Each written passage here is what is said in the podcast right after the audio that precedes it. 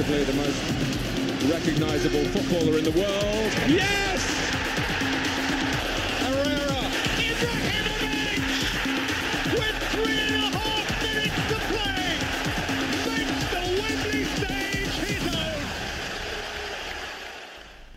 Selamat datang di episode perdana Cigarette After Score Podcast. Bersama saya Bung Ucup Signatur dan siapa di sana? Saya Bung Adrian Eko kembali lagi akan memandu eh, selama mungkin 30 menit ke depan untuk apa sih sebenarnya cigarette after score itu gitu. Betul. Nah di sini akan dipandu oleh dua host, Iya, nan betul. segar bugar dari Kota Kembang, dari Bandung. Dari Orang Bandung, ya. Bandung kan identik sebenarnya selain eh, kuliner, wisata dan juga bobotoh gitu Hmm. Betul ya. sekali. Tapi eh, maksud dari bobotoh ini adalah orang yang maksudnya babarengan bersama-sama untuk eh, menonton atau menyukai sesuatu gitu kan. Nah, bobotoh itu sendiri sebenarnya identik dengan Persib Bandung. Walaupun sebenarnya kita di sini tidak akan eh, apa ya, secara kita akan secara global lah membahas segalanya gitu. Tidak akan eh, menyangkut pautkan segalanya dan menitik beratkan ke Persib Bandung gitu. Dan yang paling penting itu di podcast ini tuh kita akan mem- mengajak kalian untuk melihat bagaimana sisi lain-sisi lain dalam dunia sepak bola. Betul. Karena kan memang selama ini tuh sepak bola identik dengan katakanlah si pertandingannya saja gitu konteksnya gitu. Iya. Kemudian juga hasil-hasil analisis, statistik dan sebagainya yang di mana semua orang itu nggak semuanya paham gitu. Iya. Nah di sini kita akan mengajak kalian untuk melihat sepak bola dari sisi-sisi yang unik, sisi-sisi yang lebih merakyat, Iya. yang bisa dipahami semua orang pada umumnya. Betul. Dan karena kan kita berdua ini sebenarnya udah sobatan sejak lama ya, Cup ya? Ah betul. Nah, sudah sobatan sejak lama kita tuh eh, ngomongin tentang sepak bola sampai detik ini gitu. Betul. Dari sejak SD lah, mungkin 2005 mungkin ya, 2005 2004 lah gitu. Eh, dan itu tidak ada habisnya kita ngobrolin tentang sepak bola karena kan maksudnya sepak bola tidak hanya dibahas itu tadi gitu, soal taktik, soal eh, apa namanya? hasil pertandingan. Betul. Tapi banyak gitu keunikan di eh, luar-luaran sepak bola. Seperti misalnya kayak eh, contohlah kenapa kita eh, menyangkut pautkan rokok dengan sepak bola gitu. Betul. Kayak nama Anda sendiri kan Ucup Signatur gitu. Ke- kenapa ada signatur ya gitu? Jadi memang begini Bung Eko. Signatur itu kan salah satu nama sub brand dari satu me- satu merek rokok. Nah, Rokok ini memang dari katakanlah dari era 60-an, era 70-an itu memang sudah identik dengan sepak bola gitu. Bahkan pemain-pemain bola di era segitu itu banyak yang mereka itu perokok. di Eropa ya? Di terutama? Eropa betul, Hmm. terutama di Eropa. Mungkin kalau Bung Eko pernah nonton filmnya Brian Clough, Ah iya, eh, Dem United eh, Dan ya. United itu ah. pemain-pemain itu sebelum bertanding itu mereka merokok. Iya. merokok dan ditambah juga pemain-pemain bola juga misalkan di tahun 70-an seperti legenda dari Belanda itu Johan Cruyff dia merokok juga Hmm. Dan bahkan yang unik itu brand rokok itu sempat jadi sponsor-sponsor di Liga Indonesia juga Oh iya sepak bola. Indonesia juga Eh, dan Hill Jarum ya. ya dan Hill Jarum bahkan jadi nama kompetisi. Oh iya. Kayak apa ya contohnya? Kopaji Samsu. Oh iya. Kopaji bener. Samsu? Dulu kan sempat booming tuh. Kopaji Samsu? Jadi memang rokok itu lekat dengan kita gitu. Dan kenapa signatur? Ya cocok aja gitu. Iya, dan juga tidak eh, terlepas, maksudnya nggak hanya sepak bola ya, tapi bahkan di beberapa olahraga pun seperti contohnya inilah dulu tuh eh, Eko kan suka sama Ferrari ya di F1 itu tuh ikonik banget ketika Michael Schumacher itu di sayap belakangnya tuh Marlboro. Nah, Iya kan? Maksudnya iya. padahal itu tuh olahraga gitu dan olahraga tersebut tuh ya memang membutuhkan konsentrasi which is gitu. Which is kan jangan sampai ada nikotin lah di Ya. situnya, jangan ada sampai unsur-unsur rokok gitu di situ. Tapi saya jadi nebak-nebak kalau misalkan si brand rokoknya ditaruh di mobil mungkin dalihnya akan seperti ini dalihnya. Ya kan kalau sambil nyetir mobil nggak usah nggak usah sambil lari kan, cuma Oh. nyetir aja ngegas aja gitu. Iya.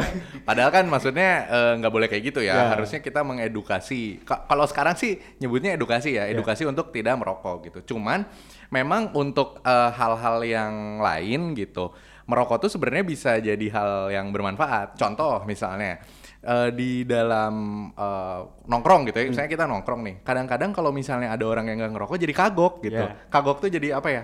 Kalau bahasa Indonesianya kagok, kagok. Jadi canggung. Jadi canggung, Jadi betul. Ah, ah. Jadi kan kalau misalnya semuanya ngerokok, kita tuh ngobrol bisa lebih apa ya intim lah gitu. Lebih cair. Betul, lebih. Jadi memang cair. rokok ini pengikat persaudaraan. Iya betul. Anggap aja misalkan dua orang nggak nggak saling kenal gitu. Hmm. bro punya korek nah jadi ngobrol gitu Iya. kasih korek bro punya rokok ah diusir ya beli dong gitu Beli kan. dong. Dan- aneh. betul betul dan juga ini kan tadi juga kita udah ngebahas ya maksudnya eh, kita berdua nih temenan ngobrolin bola gitu basically gitu awalnya nah jadinya melebar ke mana-mana termasuk ini juga gitu kayak tadi kita ngobrolin tentang rokok gitu dan karena kita berkesimpulan bahwa eh, sepak bola itu sebenarnya eh, tidak hanya melihat dari segi statistik gitu Eh, tidak hanya dari segi statistik tapi juga eh, semua di luar hal tersebut gitu nah tapi itu semua tetap tidak mempengaruhi terhadap keunikan sepak bola Betul. gitu. Karena memang sepak bola sendiri tuh banyak menciptakan keunikan-keunikan. Iya. Dari sepak bola itu bisa muncul faktor-faktor lain atau produk-produk lain. Oh iya, misalnya gimana nih? Misalkan musik. Oh iya. Musik. Contoh misalkan kalau Inggris dulu nggak hype sama bolanya, lagu We Will Rock You nggak akan ada. Oh iya, Queen, betul. Queen, War the Champion nggak akan ada. Betul, betul. Dan itu ya maksudnya berhenti aja di zaman era tersebut Ya, gitu, nggak akan sampai sekarang gitu. Eh ini juga kayak We Are the Champion. Nah, ya. We Are the Champion itu kan memang era-eranya sepak bola tuh lagi naik. gitu. Dan juga kompetitif juga gitu. Ya, nah, kompetitif. masuk ke ini ya, masuk ke bahasan kenapa sih eh, podcast kami itu membahas apa gitu ya, Hmm. Cigarette After Score itu. Kalau misalnya disingkat sih sebenarnya kita itu nggak ngelihat statistik. Seperti dari awal kita bilang, tapi kita lebih senang untuk melihat sepak bola dari sisi yang lebih merakyat. Contohnya adalah, eh, jadi kita tuh eh, mempunyai gimmick ya. Kita tuh kenapa kita tuh awalnya membuat podcast ini itu karena kita sebenarnya kita tuh sering main game rental PS ya. Betul. main FIFA ya. Nggak punya konsol, kasihan banget. iya, kasihan banget. Masih main di rental gitu. Nah, sementara kita main di rental itu mungkin kalau di di jumlah ya, kita udah 50 jam mungkin ya. Wah lebih pak. Wah, lebih ya, lebih, Lebih, Pak. Dan li- selama 50 jam itu kita nggak selalu ngebahas tentang tim yang kita pakai. Kadang-kadang kita ngebahas tentang percewean ya. Politik. Politik, bisa masuk politik, bisa jadi masuk ke apa ya, pendidikan juga Pendidikan. bisa pendidikan sampai bahkan eh, kita ngebahas tentang film, kultur gitu. Jadi kita harap sebetulnya di podcast ini tuh kita tuh eh, sepak bola tuh menjadi cover. Hmm. Tapi intinya itu kita ngebahas tentang lifestyle yang ada di sekitar kita gitu. Betul. Karena memang lekat ya Bung Eko ya. Betul sekali Nah tapi kalau ngomong-ngomong kita begitu menggandrungi sepak bola, sebetulnya mungkin orang akan bertanya-tanya, sebetulnya kita ini bisa suka sama sepak bola itu awalnya seperti apa sih? Mungkin Bung Eko bisa cerita duluan. Nah, kalau misalnya pertama kali nih ya menyukai sepak bola, hmm, eh, dulu tuh eh, Eko sendiri pertama kali sih ya bener ya nonton eh, Piala Dunia 2002 gitu. Iconic. It- iconic banget. Pertama kali tuh nonton Piala Dunia 2002 itu waktu Inggris lawan Brazil kalau nggak salah. Di mana waktu itu David Simon sangat hebat ya. Betul. Tendangannya Ronaldinho yang hampir di deket garis corner itu tiba-tiba masuk ke gawang gitu. Dengan rambut kucirnya. Iya betul. Itu nggak tahu mungkin waktu itu di Tokyo ya kalau nggak salah Ya, di Tokyo. di Jepang itu dia tuh mungkin terlalu serap gitu ya ngelihat eh, dewa matahari nggak tahu apa. Nah itu menyebabkan bolanya langsung masuk ke gawang. Nah itu tuh pertama kalinya saya senang sama Brazil di situ.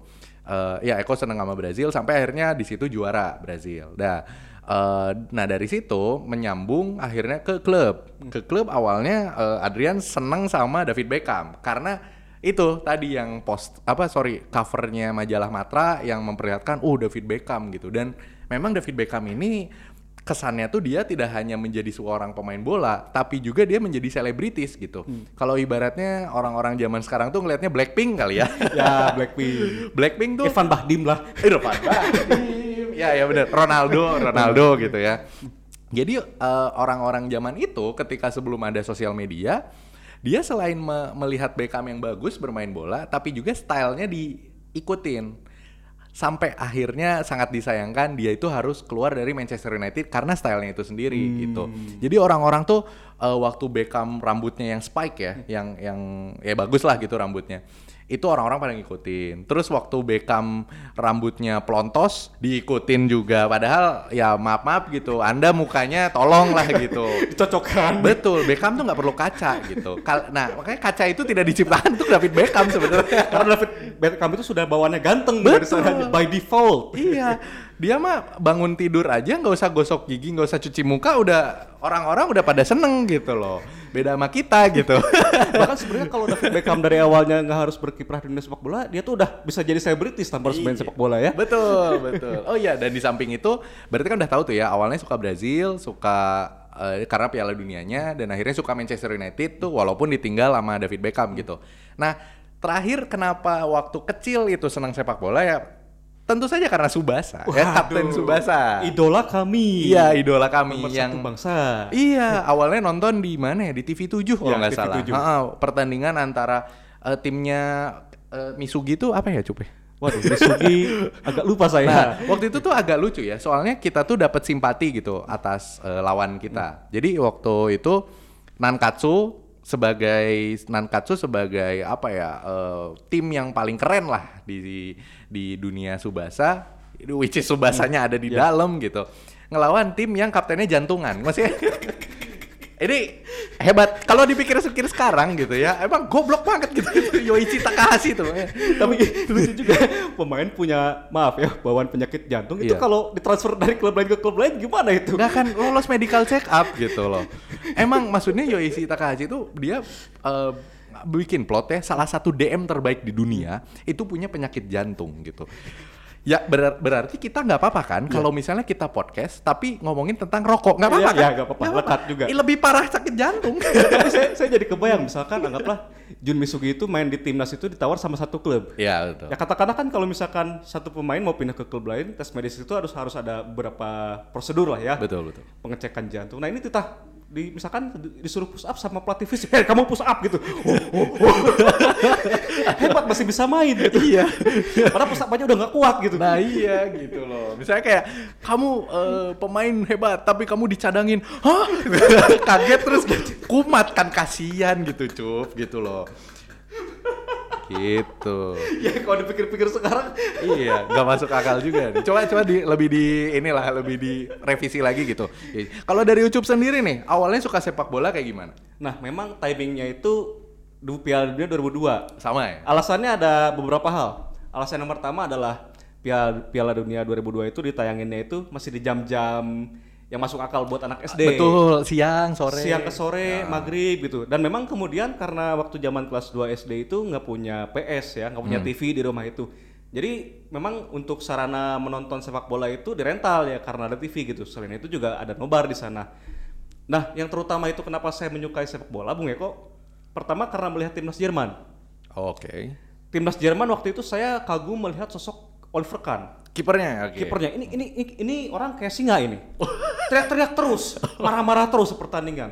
Tapi hebat dia marah-marah nggak capek. Jerman tuh jarang kebobolan sama dia. Oh iya. Terus eh, memang pada era-era 2002 itu timnas Jerman itu waduh permainannya itu nggak banget dibandingkan timnas Italia, timnas Inggris, timnas Brazil. Jauh banget. Padahal masuk final ya Cup ya? Padahal masuk final. Dari segi terus dari segi permainan ini nggak atraktif banget, membosankan banget. Udah mentok, mundur lagi, mentok, mundur lagi, serangan balik, golin. Dan memang di situ saya lihat 2002 karena lihat timnas Jermannya bapuk, Oliver Kahn tuh banyak melakukan penyelamatan gemilang. Oke. Wah ini hero banget. Saya jadi mikir ini kalau kipernya misalkan Morisaki dari Nankatsu, wah ini udah ini Jerman udah udah udah udah dadas dari babak grup ini. Iya. Mungkin udah kebobolan 10 mungkin. Morisaki tuh nggak pernah nangkep bola cuy. Asli nggak pernah lihat nangkep bola. Nah makanya itu lihat Oliver Kahn ini, wah ini keren nih sosok kapten nih. Betul. Tapi kerjanya marah-marah terus. Tapi saya jadi membayangkan di samping itu kan sore-sore sambil nungguin katakanlah pertandingan-pertandingan yang nggak disukai di Piala Dunia, kita tuh ada selingan main bola dulu di di Masjid Pusdai. Bah, ya ya ya. Saya di situ senang berposisi sebagai kiper dan saya sering membayangkan kalau saya kalau saya jadi kiper, wajah saya bakal kayak Oliver Kahn ya marah-marah. keren gitu ya, berimajinasi. Iya iya iya iya iya. Kadang-kadang kalau lihat majalah misalkan, lihat majalah saya tuh selalu bertanya-tanya, ini saya kalau main bola wajahnya kayak gini nggak ya? Iya benar. Atau jangan-jangan kalau sekarang banyak sosial media atau smartphone yang ada fitur kameranya gitu. Kalau di, kalau di foto orang atau apa, apa, apa bakal jelek juga kayak Phil Jones misalkan wajahnya gitu kan. Iya iya iya iya. Ya, gitu. Nah, terus nyambung ke minat sepak bola saya lagi, yaitu awalnya dari timnas Jerman. Kemudian di tahun-tahun itu juga saya sempat banget suka banget sama Liga Italia. Oke. Kenapa? Karena di rental PS dekat rumah saya itu banyak poster-poster tim dari Liga Italia. Pasti Lazio, Lazio, Inter Milan, Parma, Parma, AC Milan. Roma. Di situ saya dibuat apa ya? Mungkin karena terbiasa main di situ ya, lama-lama terdoktrin juga secara nggak langsung gitu.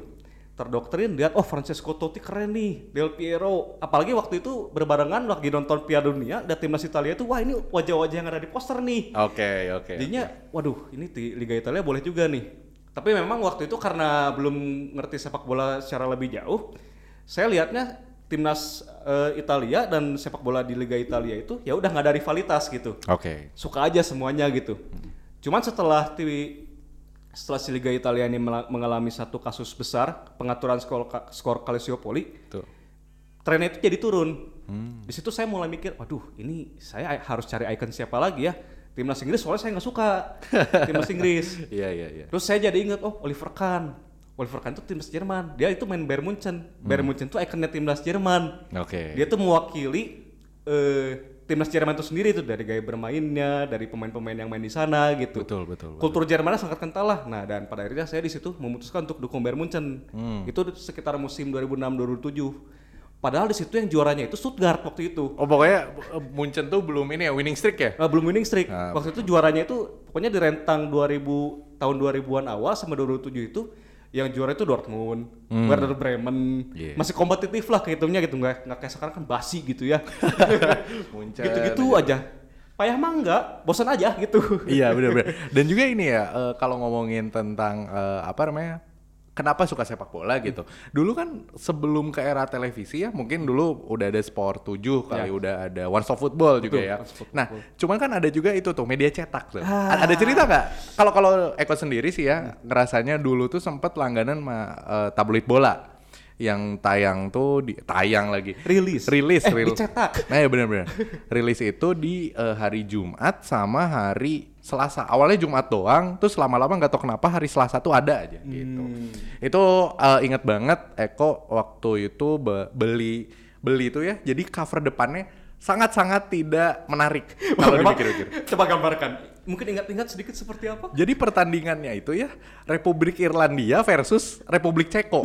Mungkin derby Republik ya. Tapi maksudnya Republik Irlandia ketika saat itu tuh kan 2003 ya oke Roy Keane mungkin ya. Demendaf. Eh, ya, oke eh, ya kalau nggak salah Demindaf. Tapi kalau nggak salah waktu itu bu- covernya tuh bukan Roy Keane. Covernya yang dari Ceko. Siapa ya misalnya? Thomas Rosicky mungkin. Mung- eh, Smisser kalau nggak salah. Smisser. Ah, dan itu tuh si- apa gitu? Kualifikasi Piala Eropa gitu. Kok bisa dibilang tim gerem dua-duanya itu ya? Betul gitu. Tapi entah kenapa dari situ saya tuh seneng ngelihat eh, ininya kayak formasinya, terus ada statistiknya head to headnya kayak gimana, terus ada eh, apa namanya dari segi pelatih, pelatih menginginkan gini gini gini gini gini, saya akan memainkan ini ini ini misalnya. Nah, udah dari situ tuh ada juga eh, bahasan-bahasan tentang liganya. Tapi mungkin memang mentoknya sampai ke Liga Belanda dan Liga Belanda tuh kolomnya udah kecil banget. Liga Belanda sama Liga Portugal waktu itu saya ingat. Kalau di Liga Inggris, Inggris, Spanyol, Itali itu masih dua page Ya. biasanya dua page. Kadang-kadang kalau ada derby gede itu jadi empat page karena satu eh, dua page-nya itu biasanya yang kalau dibuka tuh ya si tabloidnya itu tuh bener-bener nayak ngeliatin si eh, match tersebut gitu. Jadi segede hampir setengahnya lah si lapangannya tuh yang ada formasinya kayak gitu. Kalau dari Ucup gimana? Kalau dari saya Bung Eko pertama kali membaca majalah-majalah bola hasil-hasil media cetak itu awalnya dari majalah majalah soccer. Oh, Majalah soccer. Ya, ya, ya, itu ya. saya pertama beli itu bukan saya sih yang beli aslinya itu. Kakak saya yang beli. Oke. Kakak saya yang beli waktu itu musim 2004 2005. Saya ingat covernya itu Derby della Madonnina. Nah, Derby iya, iya. Milan. Yang jadi covernya itu Hernan Crespo. Hmm. Hernan Crespo. Waktu itu saya beli si tabloid bola eh si majalah soccer itu. Saya seneng. Kenapa? Ada posternya. Oke. Ada posternya. Karena kan biasanya dulu itu sebelum saya tahu majalah soccer ini, saya beli poster itu di pinggir jalan.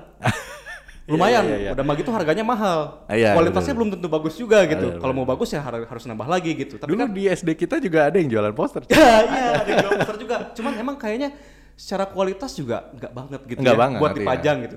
Nah di situ awalnya eh, saya ingat poster pertama itu Miroslav Klose waktu masih zaman di Werder Bremen. Hmm. Saya waktu itu bertanya-tanya ini kenapa Miroslav Klose bukan Del Piero atau bukan Maldini gitu. Setelah saya cari tahu karena memang di musim-musim 2004 2005 itu Werder Bremen itu baru saja jadi mencapai juara bertahan Bundesliga waktu itu. Oh, berarti dua kali juara gitu. Enggak, jadi waktu setahun sebelumnya itu 2003 2004 mereka juara gitu. Oh, oke, jadi oke, oke, 2004 oke, oke. 2005 itu Statusnya, ya, oke, Statusnya betul. juara bertahan. Nah, di situ mulai baca, terus kemudian juga majalah soccer ini pembahasan-pembahasan itu ringan. Mungkin kalau bola hitungannya terlalu berat. Hmm. Karena eh, selain harganya bukan harga sih ya, halamannya lebih tebal, ya otomatis ke harga juga ngaruh ya. Hmm. Itu pembahasannya itu bisa dikatakan setingkat lebih serius lah daripada soccer gitu. Kalau soccer itu kenapa saya senang baca? Pembawaan pembawaan itu cair gitu. Ya udah fokus di bola aja gitu. Soalnya kalau kalau lihat di tabloid bola itu kayaknya hampir semua olahraga dibahas itu. Betul, betul, Badmi- betul. badminton, volley, yang kayak gitu kayak gitu. Nah terus eh, kenapa suka sama si majalah soccer ini karena tiap tiap minggu itu selalu ada bocoran poster terbarunya gitu. itu layak ditunggu Bung Eko. Eh ada kuis-kuisnya gitu nggak sih? Ya ada kuisnya TTS. Oh TTS, iya iya iya. iya. Ada kolom gosipnya. Oh oke oke. Waktu itu di kolam di tabloid bola apa ya? Kayak kayaknya sih adanya komik sih, komik komik si bolanya itu Oh, ada ya. yang kayak kacang gitu. kayak kayak kacang almond ya.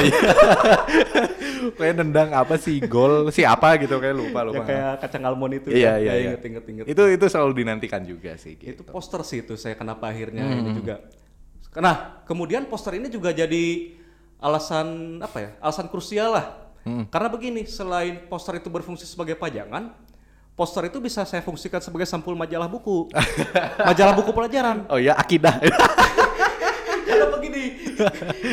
jadi jadi gini kita tuh SD ya. Kita kita di SD Islam gitu. Dulu ada pelajaran yang nggak ada di eh, sekolah negeri ya. Ya. itu akidah fikih hadis, ya. Hadis. hadis. Al-Quran ada nggak sih? Bahasa Arab. Oh bahasa, Bahasa Arab. Arab. iya ada bahasa Arab. Itu buat sampul akidah bukan? Sampul- oh enggak sampul pelajaran.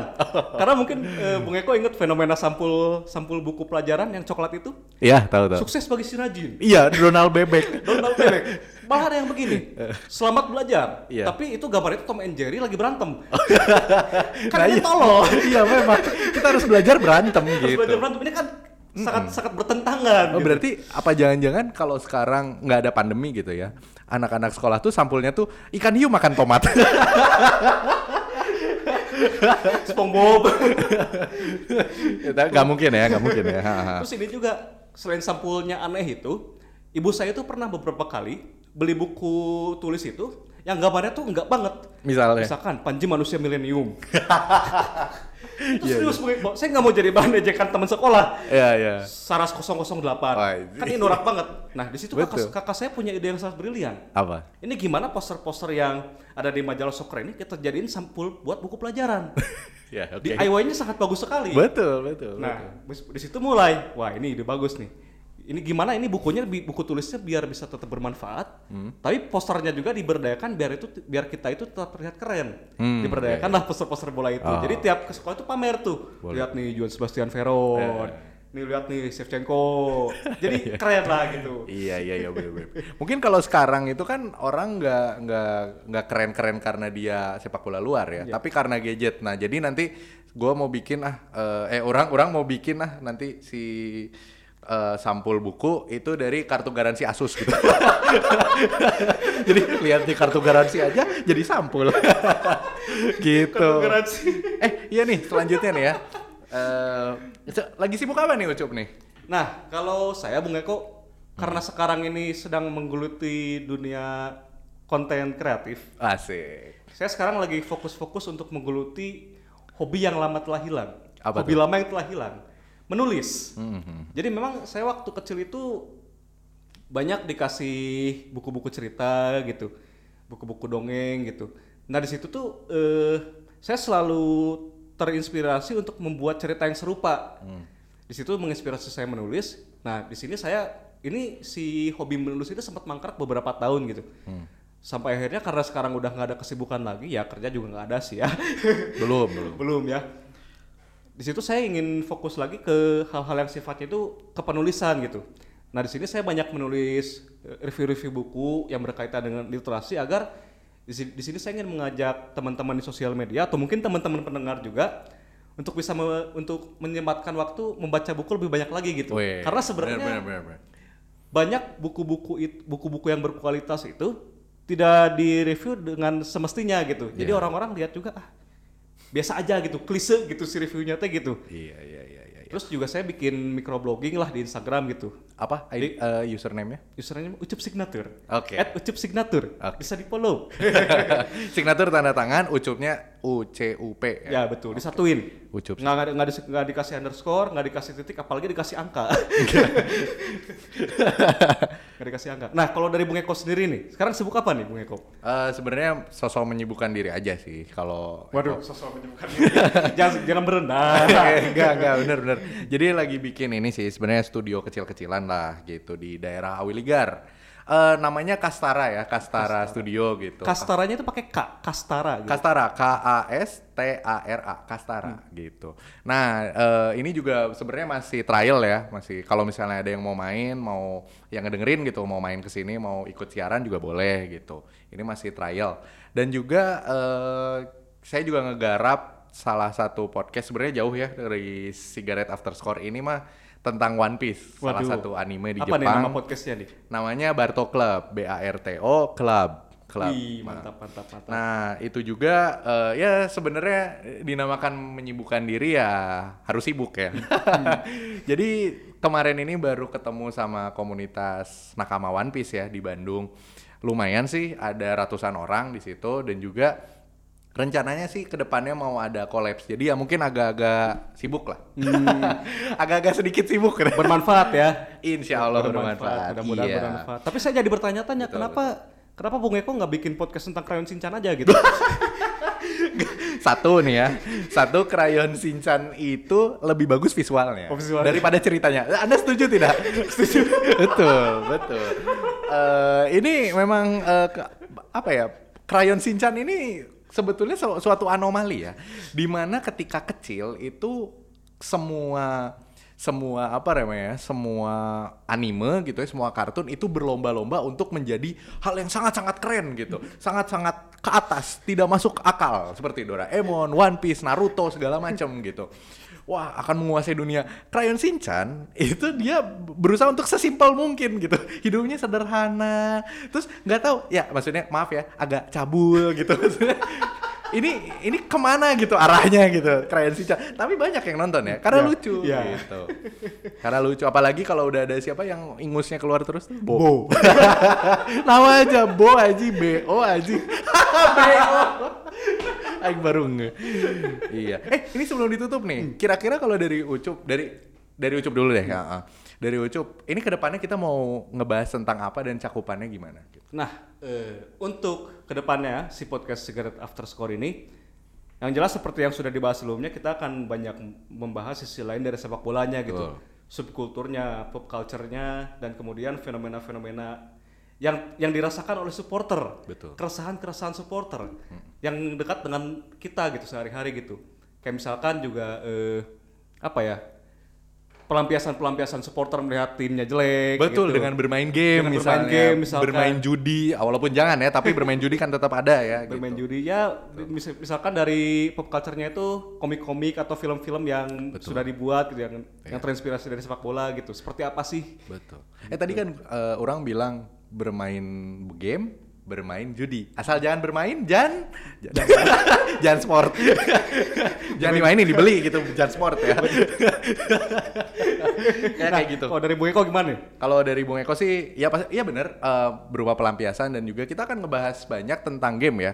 Karena kemarin ini itu baru rame soal FIFA 21. ah iya betul, Betul. Dan sebulan setelah uh, saat ini gitu ya, bakal keluar FM 2021 Waduh. gitu. Jadi uh, akan banyak, maksudnya dekat-dekat ini akan banyak dan juga uh, kemarin curi-curi denger nih, bakal ada kompetisi e-sport yang diadakan di Indonesia. Eh, ke arah mana dan siapa yang mengadakan ya nanti kita bisa lihat lah gitu ke depannya. Dan juga kita akan mengundang eh, narasumber-narasumber yang asik untuk dibahas tentang dari segi supporternya gitu. Semoga kita bisa ngundang orang-orang yang ini ya, orang-orang yang boga lakon ya. Semoga ya. Ya. Ah, kalau aku sih pengennya ini, kalau kalau orang sih pengennya ngundang siapa ya? Eh, Bung Jebret mungkin. kalau saya masih kesengsem ngundang ini Bung Towel Bung Toel, Tommy Welly ya. Boleh, Bung boleh, Towel boleh. beberapa akhir ini waduh udah jarang nongol di layar Iya. kaca Walaupun agak gak masuk akal mungkin. Yaudah paling gitu aja ya eh, untuk episode kali ini. Eh, ditunggu juga episode-episode selanjutnya. Kita akan tayang insya Allah seminggu sekali lah ya, Cup ya. Betul, seminggu sekali. Seminggu sekali kalau nggak so sibuk. kalau nggak so sibuk gitu. Jadi tetap stay tune di Cigarette After Score Podcast. Oke, bye-bye semua. Bye.